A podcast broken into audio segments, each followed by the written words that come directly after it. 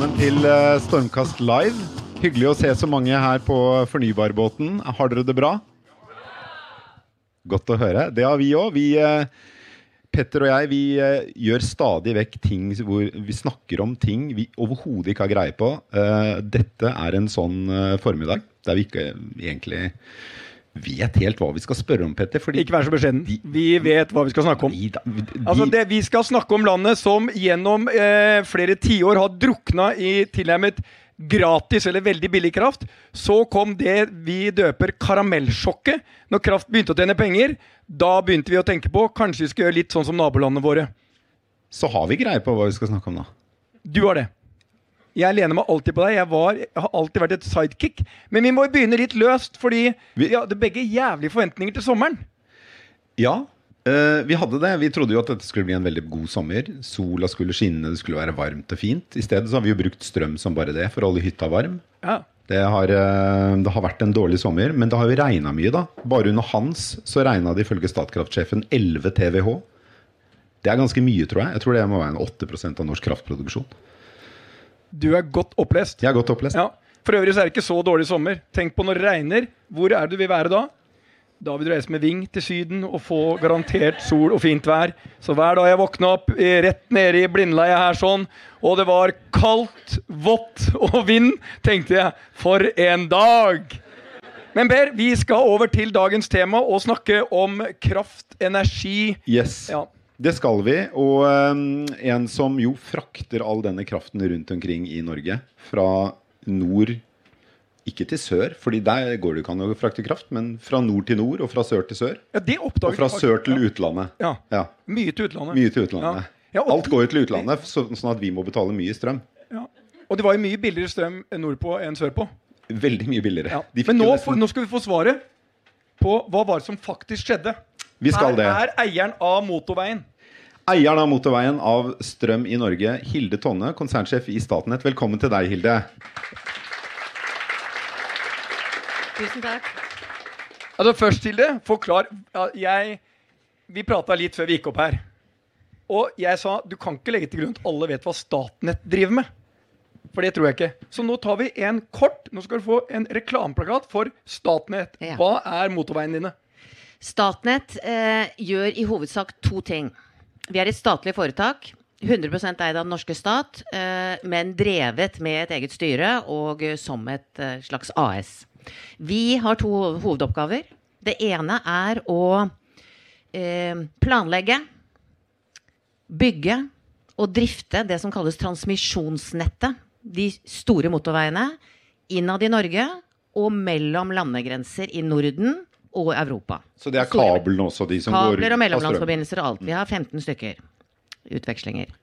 Det er det ene oppgaven. Den andre oppgaven det er å påse at kraften i hele kraftsystemet i Norge, og for så vidt i Norden, er der det skal være til enhver tid på nanosekundet. Og da henter vi enten kraft i markedet, eller vi flytter kraften fysisk. Men du, fordi i, i vinter så var det jo sånn at eh, vi som bor i Oslo, eh, eller sør for Dovre, vi skulle jo veldig gjerne hatt litt av den kraften som var oppe i Nord-Norge. Mhm. Men dere klarer ikke å frakte kraft der den skal være i Norge. Fordi det, det er ikke noe kabel mellom nord og sør i Norge, er det sånn? Altså, vi har, eh, Forklaringen på det er at eh, tradisjonelt, eh, når vi ser oss litt bakover, så har vi, la meg si det på den måten, aldri overinvestert i nett i Norge. Så la meg få lov å antyde at vi har, vi har underinvestert. Ja. Og det vi har gjort, er å optimalisere på tvers av Norden. Og da har vi bestemt oss for, en gang da det var mulig, å tenke sånn at motorveiene nord-sør går gjennom Sverige.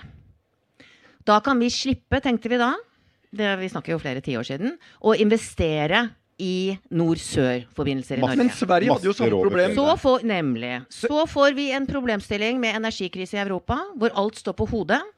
Sverige trenger den kapasiteten selv. Og vi ender opp med og at det er for trangt med de åtte motorveiene Sverige har eh, nord-sør. Så, eh, Så vi får en situasjon, enkelt sagt da, her er det folk i salen som vet uh, at jeg nå forenkler kraftig. Eh, Jeg er helt nødvendig med det. Men, og det tror jeg bare er fint.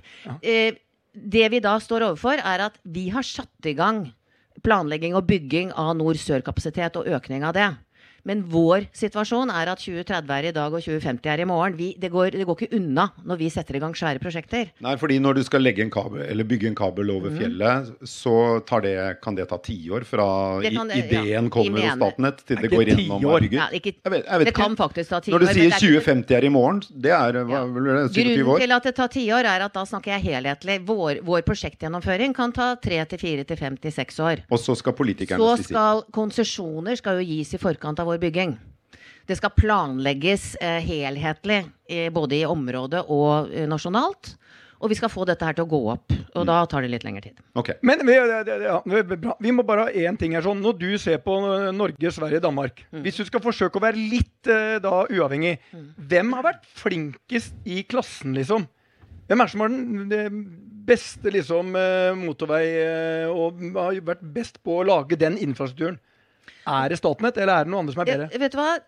Gitt at vi er et digert land i areal, med spredt befolkning, og at Finnmark er større enn Danmark, og at Sverige Unnskyld at jeg sier det, kanskje har vært dårligst, så vil jeg nesten si at eh, Statnett og Norge har vært veldig gode de siste tiårene. Selvskudd skal man høre på, Ja. for det kommer fra hjertet. Ja. Eh, Ok, Og så, kan, så er det andre elementer vi kan uh, snakke om senere, som, uh, hvor Danmark f.eks. er veldig mye bedre. kunne du løst dette fortere hvis du hadde fått uh, mer penger? Vi mangler faktisk ikke penger. Vi har en balanse på 100 milliarder. Vi mangler konsesjoner. Da kunne vi løst det fortere. Og hvis du hadde fått konsesjonene Jeg hadde vært, delt ut konsesjonene og sagt nå må jeg bare løse de motorveiene. Hvor lang tid hadde du brukt?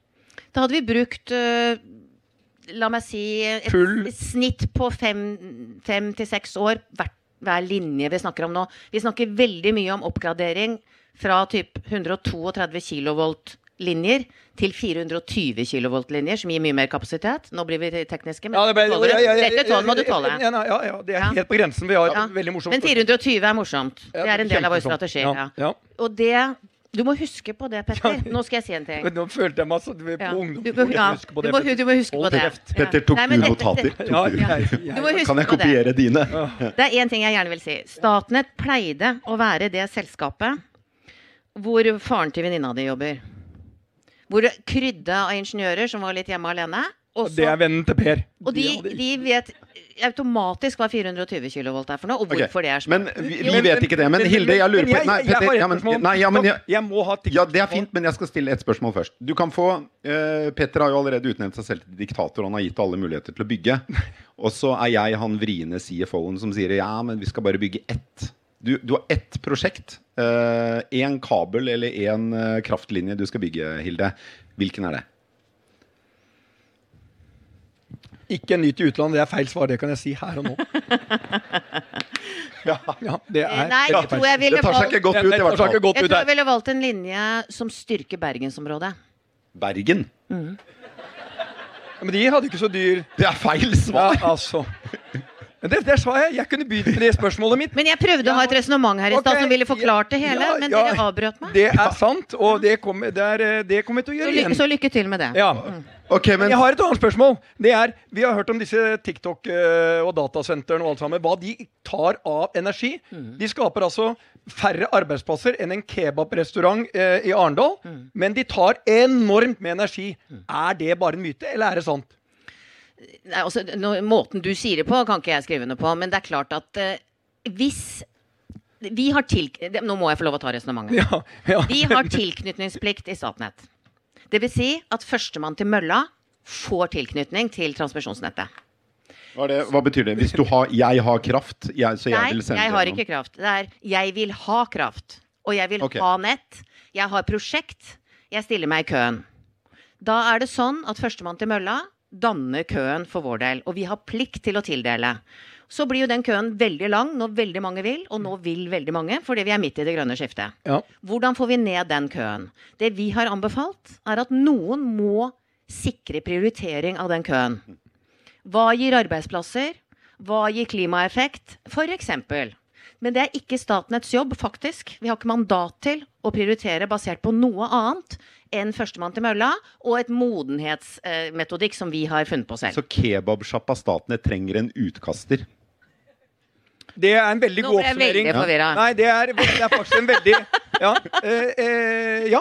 Ja, men vi trenger å rydde køen. Ja. Hvis det er Ja. det du mener. Ja. Det, det var det han forsøkte det på en fin måte. Det er godt sagt. Men vi må inn i neste bolk. Vi må det. Men da skal jeg først stille et spørsmål. Per, tror du at Vi snakket jo om eh, bæsj eh, på frokosten i dag. Du liker jo ikke å prate om sånne ting. Du syns det blir altfor Ja, personlig. det blir Eh, nei, Det blir jo litt avføring- intimt, da, litt- Ja, nei, men altså, mitt poeng var, eh, og dette er viktig, og vi skal få en oppklaring nå Det er faktisk sånn at alt dere leverer av bæsj, eh, for eksempel la oss ta Oslo, på mine hoteller, det er med og bidrar til energiforsyning og varme i byen. Sug på den karamellen mens du introduserer nestemann.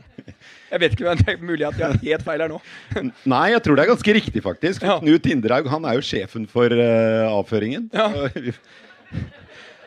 Eh, Knut Tinderhaug, administrerende direktør i Hafslund Celsio, velkommen til deg. Og vi skal også ha med Petter Røkke, som er forskningssjef eh, ved Sintef Energi. Velkommen opp, Petter. Um, Knut, forklar hvorfor du er sjef for avføring i Oslo. Det, det var en ny tittel. Tusen takk for den. Uh, jeg leder et selskap som heter Hafslund Oslo Celsio. Og vi er, liker å si at vi er det sirkulære energiselskapet for hele byen. Og i det så ligger det at vi tar vare på alle typer ressurser. Vi ønsker at ting skal brukes to ganger. Derfor jobber vi også med avføring eller bæsj. Eh, og så gjør vi mye spennende. Du sa til meg, Per, før vi gikk på at eh, er dere selskapet som driver med eh, avfallsforbrenning og fjernvarme? Det er sant, men det er bare en liten del av det vi gjør. Ja, vi har et stort avfallsforbrenningsanlegg på Klemetsrud, hvor vi behandler det avfallet for, på vegne av byen på en forsvarlig måte. Men det vi også gjør, er å bruke energien fra den forbrenninga til det beste for byen.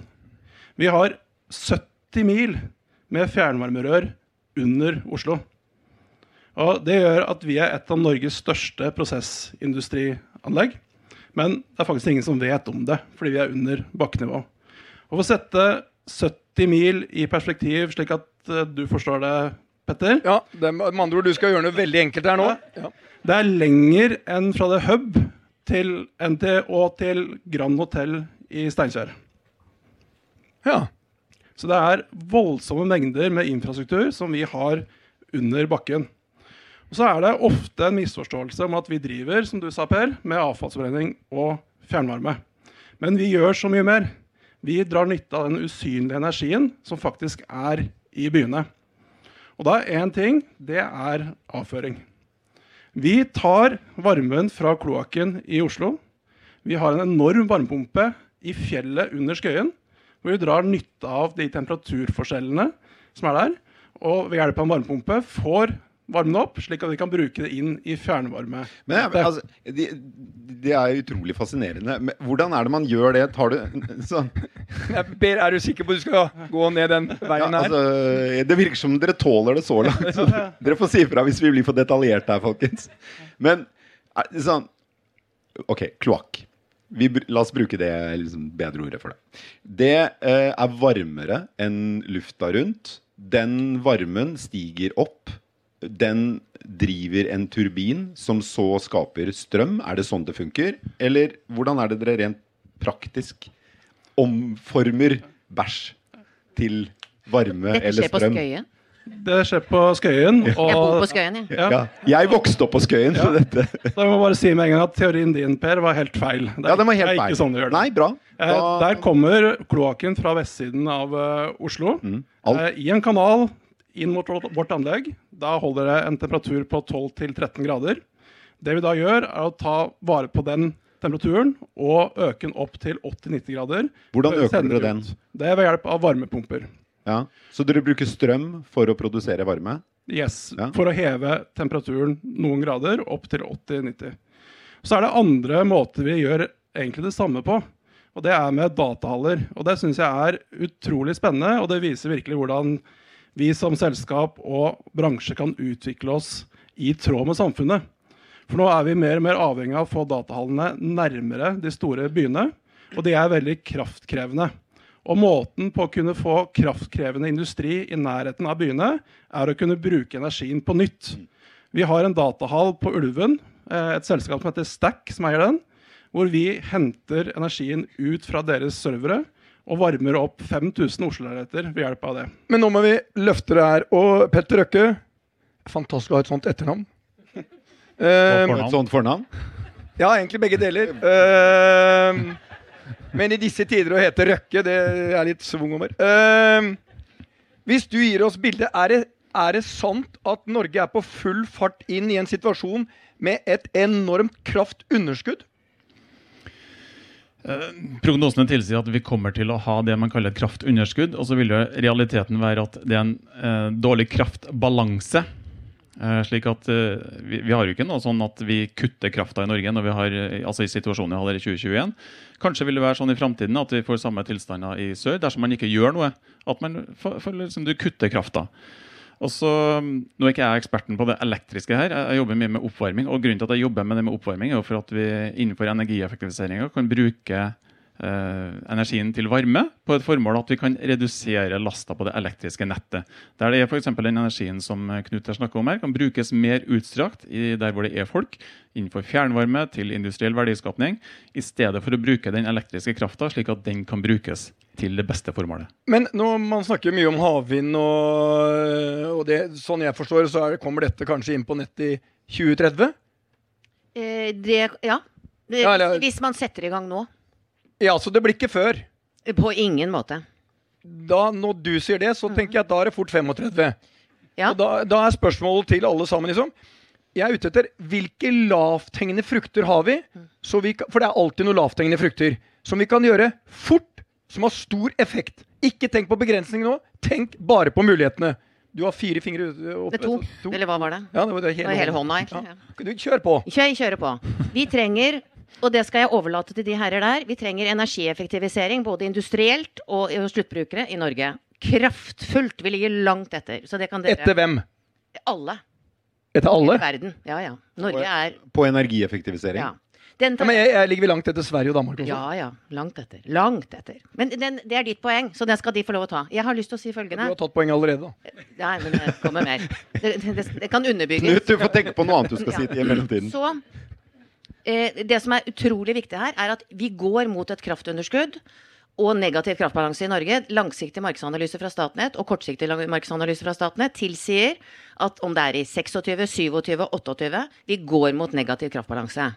Det som kan gjøres med det, det er å investere i produksjon, og det må antageligvis være vind på land. Noe sol kan hjelpe, men vind på land i Norge, på de rette stedene, på den rette måten, med nærhet til kommunale beslutninger og gode bærekraftprosesser, det må skje først. Så kommer havvind. Få vind på land, det går veldig raskt. Det går fortest, og det er, veldig, det er det som kan skape den volumet vi trenger. Mm. Og det er det mest lønnsomme også. Og det er lønnsomt nå. Ja. Og så kommer havvindprosessen, som er for så vidt i gang. Men at Norge tar en posisjon både på dypvanns bunnfast og eh, flytende havvind, det er åpenbart. Det må vi gjøre. Og vi må sette i gang det løpet på en god måte. Men da er vi på midten av 30-tallet. Og ambisjonene våre hittil har ikke vært veldig store. Jo, ambisjonene er store. Det er, vi er jo på 30 gigawatt i 2040, liksom. Og det er mye. Du, eh, Men gjennomføring er jo en annen ting, da. Knut, eh, eh, Hafslund, Oslo Celsius. Jeg glemte Oslo i midten der i, i sted. Men det, dere produserer ca. 2,5 terawatt eh, varme, eller kraft, tilsvarende varme som tilsvarer 2,5 terawatt strøm, ikke sant? Ja, to. To. eh, som er mer enn en god del norske byer bruker av strøm hvert eneste år. Eh, em, så det er ganske mye dere klarer å få ut av avføring og datalagervarme og hva det enn skulle være. Er det mer å hente i Oslo, eller eh, er du liksom, tenker du at det er ganske sprengt kapasitet nå? Nei, eh, det er veldig mye mer å hente. Og sånn som det er i dag, så dekker jo vi 20% av energibehovet til oppvarming i Oslo. Og 25% av effekten, altså topplasten, når det er virkelig kaldt i Oslo. Så vi avlaster kraftnettet i Oslo og inn mot Oslo i veldig stor grad allerede. Men det er masse å hente. Én ting er energieffektivisering. Det skal Petter snakke om etterpå. Men det er flere kilder også i Oslo. Vi har en Oslofjord som er en stor energikilde som ligger der ubrukt. Hva tenker du på da? Hvordan den kan brukes? Den kan brukes på samme måte som vi gjør med kloakken, og som vi gjør med datahaller. Med varmeforskjellen. Med varmeforskjellen. Og med den så har vi også planer om å produsere kjøling. Det er jo slik at Hvis du kjører med fly eller helikopter innover Oslo i dag, så ser du to ting. Du ser trampoliner hver eneste hage, og så ser du de her stygge tørrkjøler, aircondition-apparatene på alle takene på næringsbyggene. Det vi ønsker å gjøre, det er å effektivisere energisystemet ved å produsere kjøling, men også hjelpe byen til å bli finere. Vi ønsker å gi Oslo muligheten til å ha grønne og blå takflater, og med det også hjelpe Petter ved å kunne ha takterrasser og også kunne frigjøre plass i kjelleren. Og så er det en siste ting jeg har lyst til å si eh, i forhold til lavthengende frukter. Og det er jo det å legge til rette for å få kraftkrevende industri nærmere de store byene. Det skal nå bygges et datasenter oppe på Løten eh, som kommer til å ha spillvarme tilsvarende 90 000 Oslo-lerreter i første byggetrinn og 150 000 Oslo-lerreter i andre byggetrinn. Men det er plassert på Løten. Hadde det vært i nærheten av vårt fjernvarmenett, så kunne vi utnytte det til det beste for kraftsystemet og byen. Hvorfor sa ikke du når de begynte å bygge på Løten at eh, det ligger ligge et annet sted? Det har jeg tenkt mye på. Legg det på Løren i stedet. Eh, Er det i Petter, hvis du husker liksom Hva Kraftunderskudd eh, det, Noen må jo skru av lampene eller eh, kutte strømforbruket eh, når man har kraftunderskudd. Og det kommer jo ikke til å bli Melkøya eller eh, andre store Vi skulle ikke innom Melkøya. Nei, vi skulle Jo, vi kan Per ville ha en håndsopprekning er liksom litt sånn eh, for å kjenne på stemningen når det gjaldt Melkøya, og det har vi enige om at det gjør vi ikke. Ja, nei, vi, skal, vi, vi, kan, vi kan komme innom Melkøya, Petter, men, men ikke akkurat nå. Det er mer som et eksempel på eh, prosjekter som eh, kommer til å kreve veldig mye strøm. De som må skru av lampene eller kutte ned på varmen, det er nok eh, vi privatpersoner. Fordi vi har ikke råd til to eller tre kroner kilowatten en februarmorgen. Hvordan tenker du at vi aller best kan kombinere mange av de store industriprosjektene som er planlagt for Norge, som skal bruke strøm, med en strømpris og et strømmarked som ikke er helt ødeleggende for privatøkonomien til nordmenn? Energieffektivisering er et litt sånn kjedelig tema, for det er så lite konflikter omkring det. Alle sammen er enige om at det er det bare å gjøre, men, men det, det er jo igjen at det tar for lang tid, og, og du får ikke liksom de rette tiltakene til at industrien vil gjøre det. Norsk industri bruker ca. 40% av all kraft som går gjennom de motorveiene til Hilde, eller 70% av all energi vi har i Norge, som vi bruker i Norge. Og av den her så taper man ca. 10% Altså 20 TWh går tapt i rett og slett overskuddsvarme. Tidligere kalt spillvarme. Husk på å kalle det fra spillvarme til overskuddsvarme for å tydeliggjøre at det er en ressurs som er tilgjengelig til, til nettet til, til eh, Knut. Og av all energi så er ca. 50% går til oppvarming. Oppvarming og kjøling. Samme på europeisk nivå som det er i Norge. Og, og klart, det, det har riktig energibærer til riktig formål og ha de riktige tiltakene som gjør at ok, hvis du kaster bort 20 TWh i Norge uten at det koster noen ting, så gjør du det. For Petter vil jo selvfølgelig ha business case på sine hoteller. Rema 1000 vil ha business case på sine butikker. Tine vil ha eh, økonomisk eh, bærekraftige meieri. Bare for å ta i forhold til vindkraft. Elkem er jo, altså Norge er veldig energieffektiv. Norsk industri er blant de verdensledende når det går på å være energieffektiv. Elkem gjenvinner energi i sine verk per i dag som tilsvarer de ti største landbaserte vindparkene i Norge. Og Da bruker de den varmen som er tilgjengelig, på et nivå som kan brukes til å lage strøm. Så, så det gjøres. Men all den varmen som da er under 250 grader, nå blir jeg litt teknisk, den går til spille. Men som er en ressurs som er veldig velegna for eh, fjernvarmenettet til Knut. Gitt at den er i nærheten av der du trenger det. Sånn, gitt at den ligger på Løren og ikke Løten. For eksempel. Ja. Eller om det er en næring som faktisk trenger å bruke den. Hvorfor kunne det ikke vært et drivhus for eksempel i Mo i Rana, som trenger varme for å dyrke grønnsaker? Ikke for å steke den på 250 eller 400 grader, men for å bare få den til å vokse kjappere. For eksempel. det er et sånn eksempel. Men når det gjelder bare Når vi snakker om det, det der å få øh, alle til å være med og løfte i lag her og spare strøm Jeg er for strømstøtten, bare så jeg har sagt det. Veldig for, syns det er helt riktig. Men den funker kanskje ikke veldig bra i forhold til omstillingen. Nei. Altså hvis du er det nå øh, 90% over 70 øre, eller hva det er for noe. Hvor, altså, Tror du det påvirker litt at vi eh, fortsetter å være litt sånn fat cat på å ta ansvar eh, fordi vi har hatt billig kraft i titalls år? Så ble det dyrt, men da tok politikerne mm, og ga oss strømstøtten? Svaret på det er et rungende ja fra meg. Det gir ikke et riktig prissignal, som man sier faglig sett, i forhold til markedsdesignet.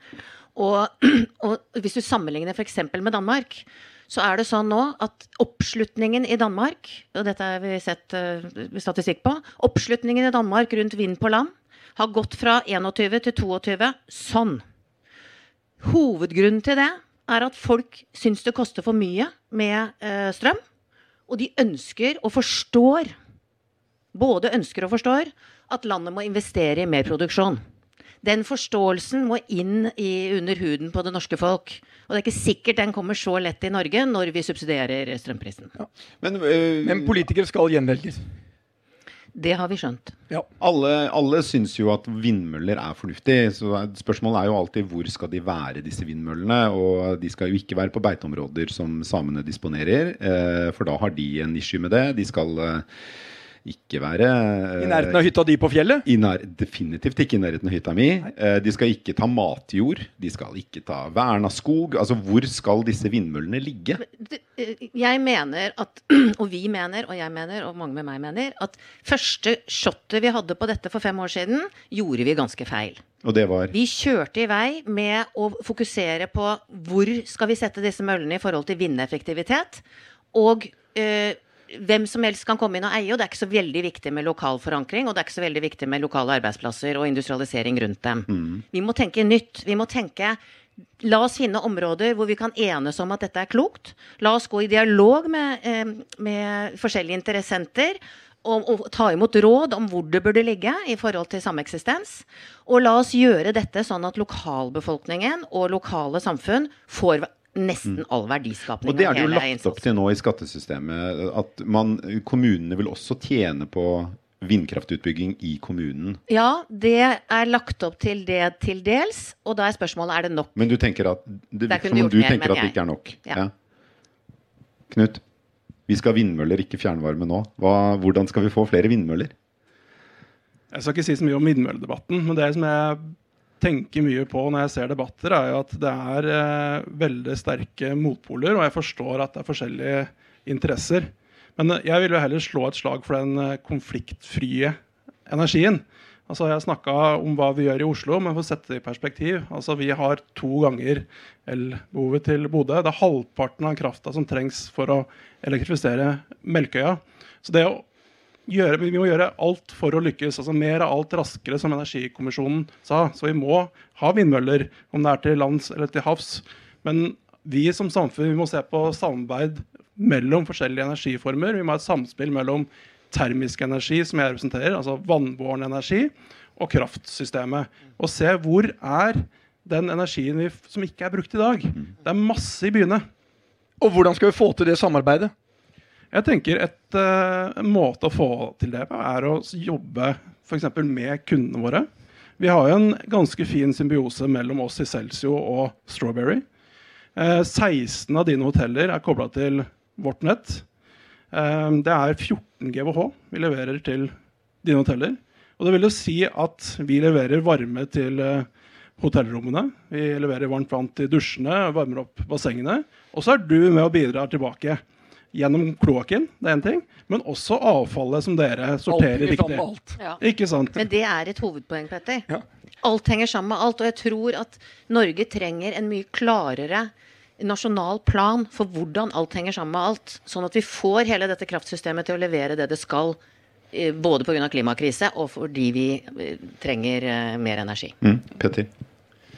Et perspektiv alt henger sammen med alt. I, i framtiden vil det være et tydeligere integrert energisystem, slik at hotellene ikke bare er en bruker av energi, men at du faktisk er en som leverer tilbake til nettet også.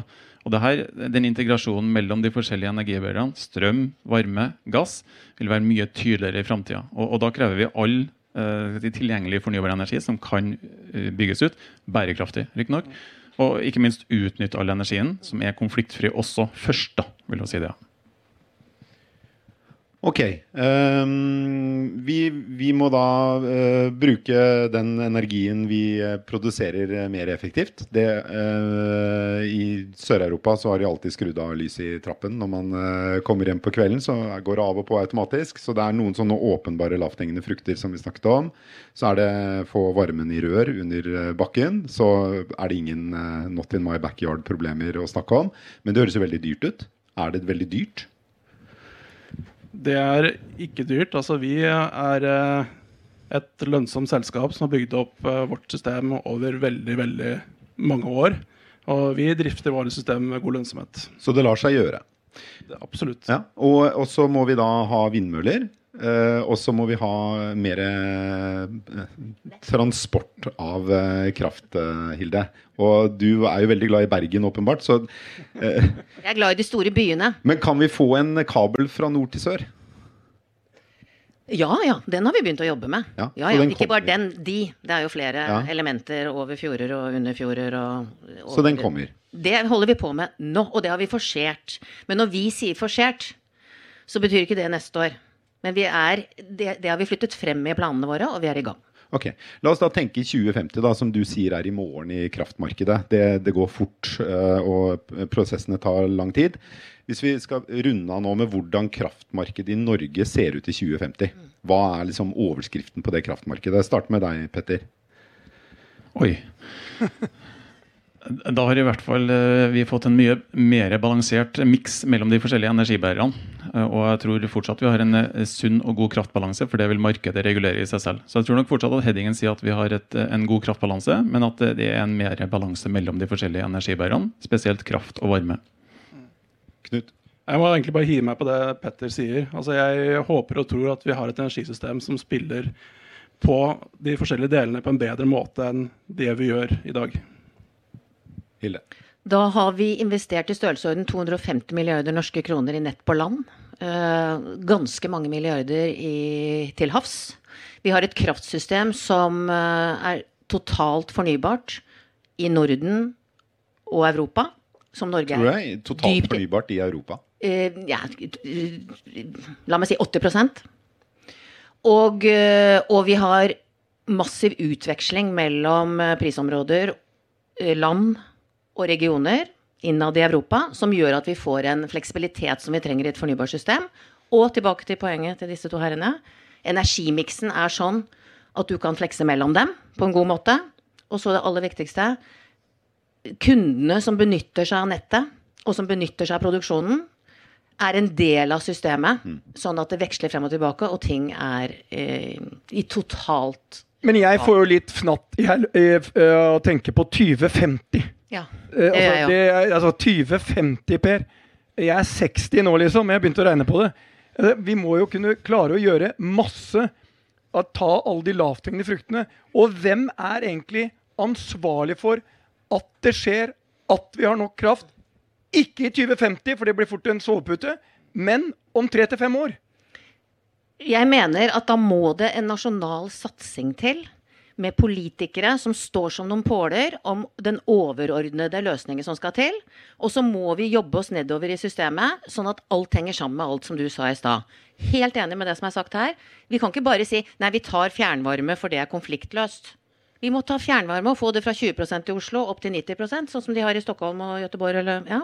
Og vi må få til vind, vind på land, og vi må sette i gang arbeidet med vind til havs. Og ta en posisjon. Fantastiske muligheter for Norge. Vi må gjøre veldig mye basert på en, en samling i landet. Men gi meg, hvorfor er Stockholm Göteborg Göteborg er på størrelse litt mindre enn Oslo. Hvorfor har de 80-90% og Oslo 20-25? Jeg tror den overordna grunnen er at vi i Norge er eh, bortskjemt og har bada i veldig billig vannkraft i mange, mange tiår. Eh, svenskene og danskene har vært nødt til å være smartere. De har hatt høyere kraftpris. Derav har de sett på andre typer ressurser som de kan benytte til oppvarming. Og det her er jo, Hvis man går inn i energiteori, så er jo det her måten man virkelig skal gjøre det på. Så oppvarming skal gjøres ved hjelp av ressurser som ikke kan brukes til andre ting. Det vi gjør i Norge, er at vi bruker den reneste form for energi, vannkraft, til å varme opp. Den energien skal brukes til andre ting. Det er En eh, strategi som eh, alle er enige om, er, høres jo helt umulig ut å få til. Bare på Melkøya, da, som vi jo ikke skulle snakke om, Petter, men som vi alle har fått med seg eh, at det, er en politisk betent sak, selv internt i regjeringen. Er det mulig å ha én energistrategi for Norge som alle stiller seg bak? Det høres helt umulig ut. Jeg mener det er mulig, eh, med de gode styringspartiene som tar eh, felles grep. Vi går bort ifra populistiske, urealistiske og på grensen til ikke sanne Er Melkøya et sånt et?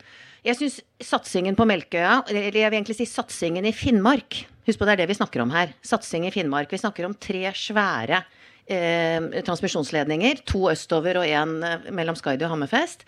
Vi snakker om elektrifisering av Melkøya. Vi snakker om massiv satsing på produksjon, som i hovedsak kanskje kan komme til å være vindkraft i Øst-Finnmark f.eks. Det er en utrolig god plan. Og så må vi støtte opp om det sånn at det skjer. Det kommer til å hjelpe en landsdel som er nesten dobbelt så stor som Danmark, og det kommer til å hjelpe Norge. Ok. Petter, føler du deg klokere på energimarkedet i Europa og Norge nå? Eh, definitivt. Eh, det jeg undres over, er bare at jeg ser at eh, vi snakker om at Norge har alle mulige forutsetninger med kraftkrevende indus- industri og alt. Så begynte jeg å tenke på Men det som faktisk skjer, og igjen tilbake til Sverige I boligen også investeres det 70 milliarder i et nytt anlegg for grønt stål, H2 eh, Green Steel, hva det kalles. De bygger allerede Norvolt batterifabrikker. De gjør noe som krever enormt mye eh, bruk av energi. Og de får det til. Og vi som har all denne kraften, vi henger litt etter. Vi snakker fortsatt om 2030 eller 2050. Og jeg syns du eh, sier noe veldig fint. Altså, vi må få den derre tverrpolitiske enigheten om at nå skal vi gjøre dette innenfor tre til fem år. Dette på ti år. Og sett noen. For det, det som mangler, det er jo execution. Vi blir stående i diskusjoner, som vi gjør her nå. Så jeg ville sagt at kan ikke du ta dette ansvaret? Jeg føler at jeg har en del av dette ansvaret. Ja, ja, men det er et enda større det, vi, vi gjør sånn hotellskap er noen som har en jævlig klar plan.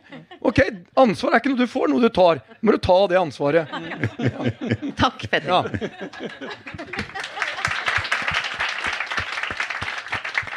Ok, Så inntil videre, mens vi har et demokrati i Norge, så får vi i hvert fall Får vi akseptere at Jeg ser at det er vanskelig å flytte den fra Løten til Løren, men det kunne vært tenkt før. Det kunne vært tenkt før. eh, Men vi får i hvert fall akseptere at dette er, dette er vanskelig. Vi kommer til å ha tusenvis av diskusjoner som denne i årene fremover. Eh, Det kommer helt sikkert til å være kraftunderskudd i 2050, og det føler jeg meg ganske trygg på. Selv om det blir mer energieffektivisering og flere kabler til Bergen og til Oslo og hvor enn de skal. Kanskje også en utenlandskabel til, Hilde. Men eh, kraftmarkedet eh, har i hvert fall eh, blitt en helt sentral del av det grønne skiftet. Det er ingen tvil om det at kraftmarkedet og det grønne skiftet er en og samme sak. Eh, og eh, sånn var det ikke for bare noen få år siden. Så det at vi i hvert fall aksepterer det, og at det er blitt eh, akseptert av alle, det er jo en god start på veien til, eh, til det du ønsker å få til, Hilde, innenfor demokratiske rammebetingelser. Kan vi være enige om det? Tusen takk for at eh, dere kom her eh, på båten. Fornybarbåten er jo veldig godt navn på, på stedet vi er for denne samtalen, Petter. Eh, så snakkes vi igjen neste uke. Vi har en pod hver uke. Den, håper dere hører på den. Hvis dere ikke har hørt på den fra før, så begynn med det. Vi snakker med folk om alt mulig rart, vi, Petter. Alt vi ikke kan om. Stort sett ting vi ikke kan noe om. Ja. Men vi blir alltid klokere etter at vi har snakket med folka. Og det har vi blitt i dag. Tusen takk skal dere ha. Hilde Tonne, Knut Inderhaug og Petter Røkke. Og takk til dere. Takk.